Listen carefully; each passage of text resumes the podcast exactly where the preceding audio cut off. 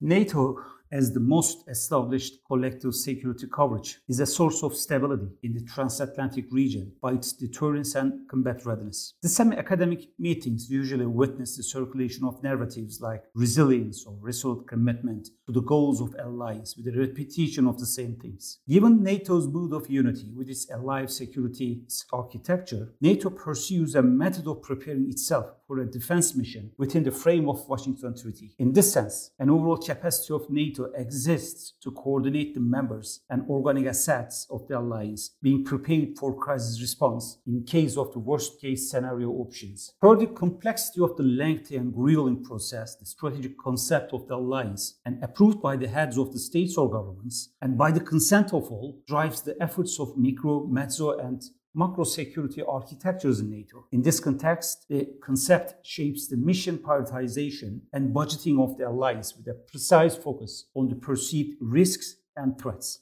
Nevertheless, it's not an easygoing process to draft and abstract it, since it may be you know, a years long effort, at least to come to a shade or least terms of understanding. Each member state attempts to inject its own priorities to impose a recognition of specific threat types of themselves. And that's why the latest concept was approved in 2010 after a very long term of discussions. It may be speculated that the Russian aggression in Ukraine has manufactured the new concept this year, but this concept is an output of a long preparatory, preparatory and persuasion process that Russia challenge contributed to fastening the approval procedure and also maybe transforming or maybe identifying the scope of the concept in a more appropriate uh, condition. Well, the concept itself is referring quite to design the goals of strategic and operational undertakings of NATO that affect the collective intentions of the heads of states and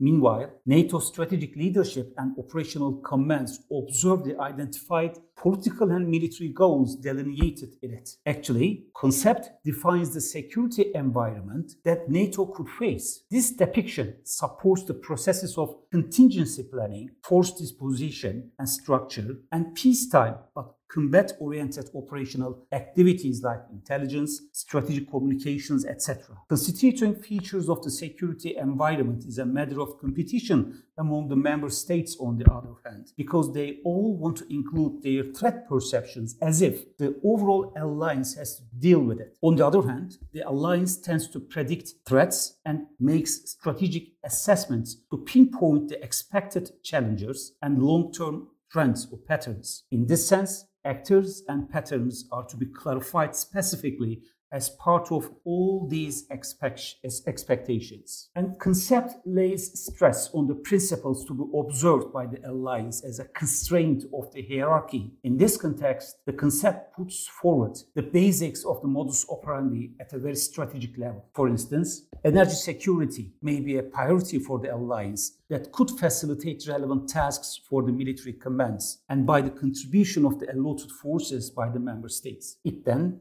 justifies such a military mission as a previously agreed operation type by referencing the intention to the already agreed concept. Hence, it fastens the decision making process of the leaders once previously agreed threat types, security environment, or guiding principles require collective action. In this sense, the motto of the strategic concept 2010, the previous one, is active engagement and modern defense and emphasizes a resonating posture of military mobility with enhanced capabilities of the NATO forces. A change for the new of them had become the primary motivation of the concept of 2010. And the text clearly underlines the previous one. The political goals of the alliance within the frame of untouchable words such as freedom, integrity, independence, independence or security as mentioned in the Washington Treaty. And I don't think that it will change in the new one.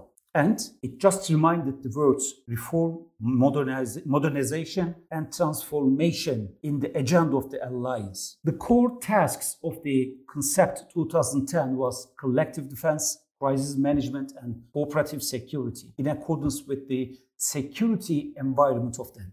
It actually depicted the pillars of engaging the foreseen security threats in 2010s. Nevertheless, the concept coincided with the varying conflicts and societal upheavals of the era such as the Arab Spring of 2011, NATO's inclusion in Afghanistan and Iraq, emerging conflict types such as proxies and hybrids of the 2010s. In this sense, the security uh, conceptualization of 2010 reflects what had been experienced in 2000s, mainly after 9-11 and concurrent escalations, but was short of envisaging the developments after the Arab Spring. The threat assessment for a conventional attack against NATO's territory was assessed as low in this concept.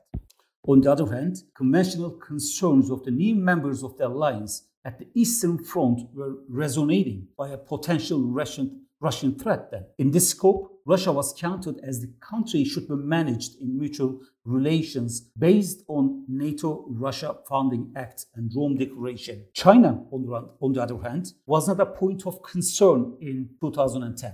And if you just categorize the security conceptualization of 2010, well, it was first security concerns identified as ballistic missiles, watching Russia, the proliferation of nuclear weapons, terrorism and extremism, etc., including cyber attacks. And later then, it clarified how to defend and deter all these threat types with a long list of how to engage them and with a transitional modus operandi in the form of crisis management. But the methodology of this concept was security through cooperation. Well, NATO 2030, which was pre- uh, prepared by the coordination of NATO General Secretary Jens Stoltenberg? Well, it was a new input. He formed a 10 person reflection group to look, look at NATO's current and future role and suggested recommendations on how to re- reinforce alliance unity, political consultation between allies, and NATO's political role. It was to expand the security perception of NATO period to designing a new security concept after 2010. In this sense, the product of the expert group signaled how NATO could be transformed to promote its readiness for the emerging trends until 2030. The policy recommendation pointed out Russia and China as the challenging state actors of the new era due to Russia's military capacities and China's very different kind of challenge, respectively. The policy brief, brief lists the commonly accepted security risks of them, and it was relevant to the literature while analyzing them with the realities of the potential disputes among the allies. In this sense, the policy brief is more focused on to count two competitors like the ones that should be co-opted but also competed in accordance with the need of international politics. Furthermore, functional and sectoral concerns of the experienced era inspired the experts to underline the themes of security situations.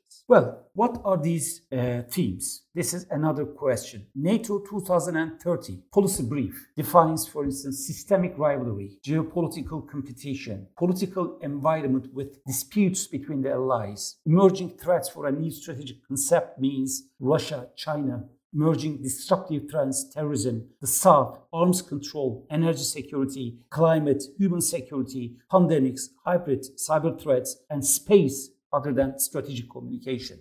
And in this sense, the new strategic concept to be discussed, well, it reflects the indicators of the new strategic environment. And actually, it was in the words of Secretary General Stoltenberg in a virtual event on June 4th of 2021.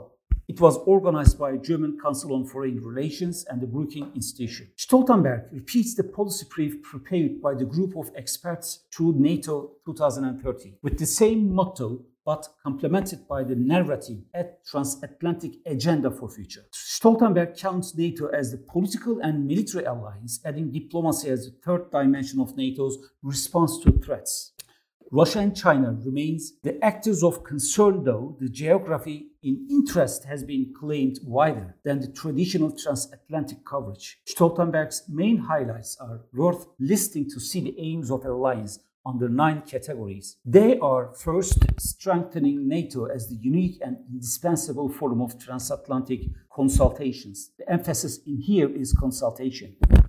And boosting collective defense against all threats. That means counting all sorts of threats as the focus, developing resilience objectives to see the new frontiers, boost transatlantic innovation, upholding rules based international order, and that's political, stepping up training and capacity building support for partners, and climate change, well, developing a strategic concept, especially per the changing security environment, and investing more and better in terms of funding and capacity building. Well, this speech indicates a more flexible, adaptable NATO posture to respond not only to intangible threats, but mainly the ones circulated after the Cold War, but to more complex and contested ones. The unpredictability of the threats apparently pushes NATO to expand the area of geographical coverage and preparedness for shapeless threats. In this sense, Russia's aggression in Ukraine reminded the reemergence of conventional warfare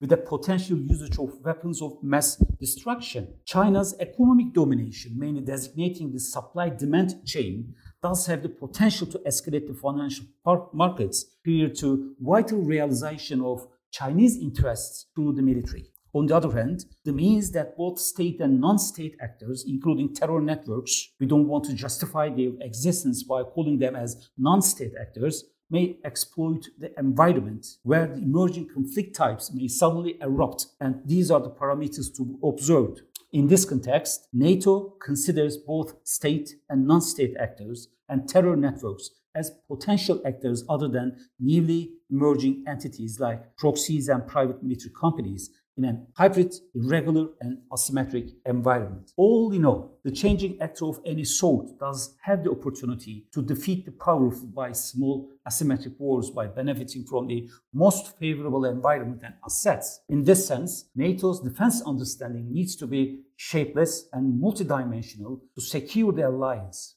The course of the preceding concepts and agendas of the NATO summits indicate the efforts of complying with the prerequisites of the experienced era. On the other hand, it's apparent that strategic concept, which clarifies the priorities and general direction of the force structure, cannot be adopted to the emerging threat types in transforming security environments. It has been 20 years to change the strategic concept of 2010 after a lengthy persuasion process of NATO's bureaucracy to push a new concept through NATO 2030 agenda. Well, the new concept is not publicized yet, but the context should be expected per the words of General Secretary Stoltenberg, underlined by the shared aims of the alliance. Thank you so much for your patience.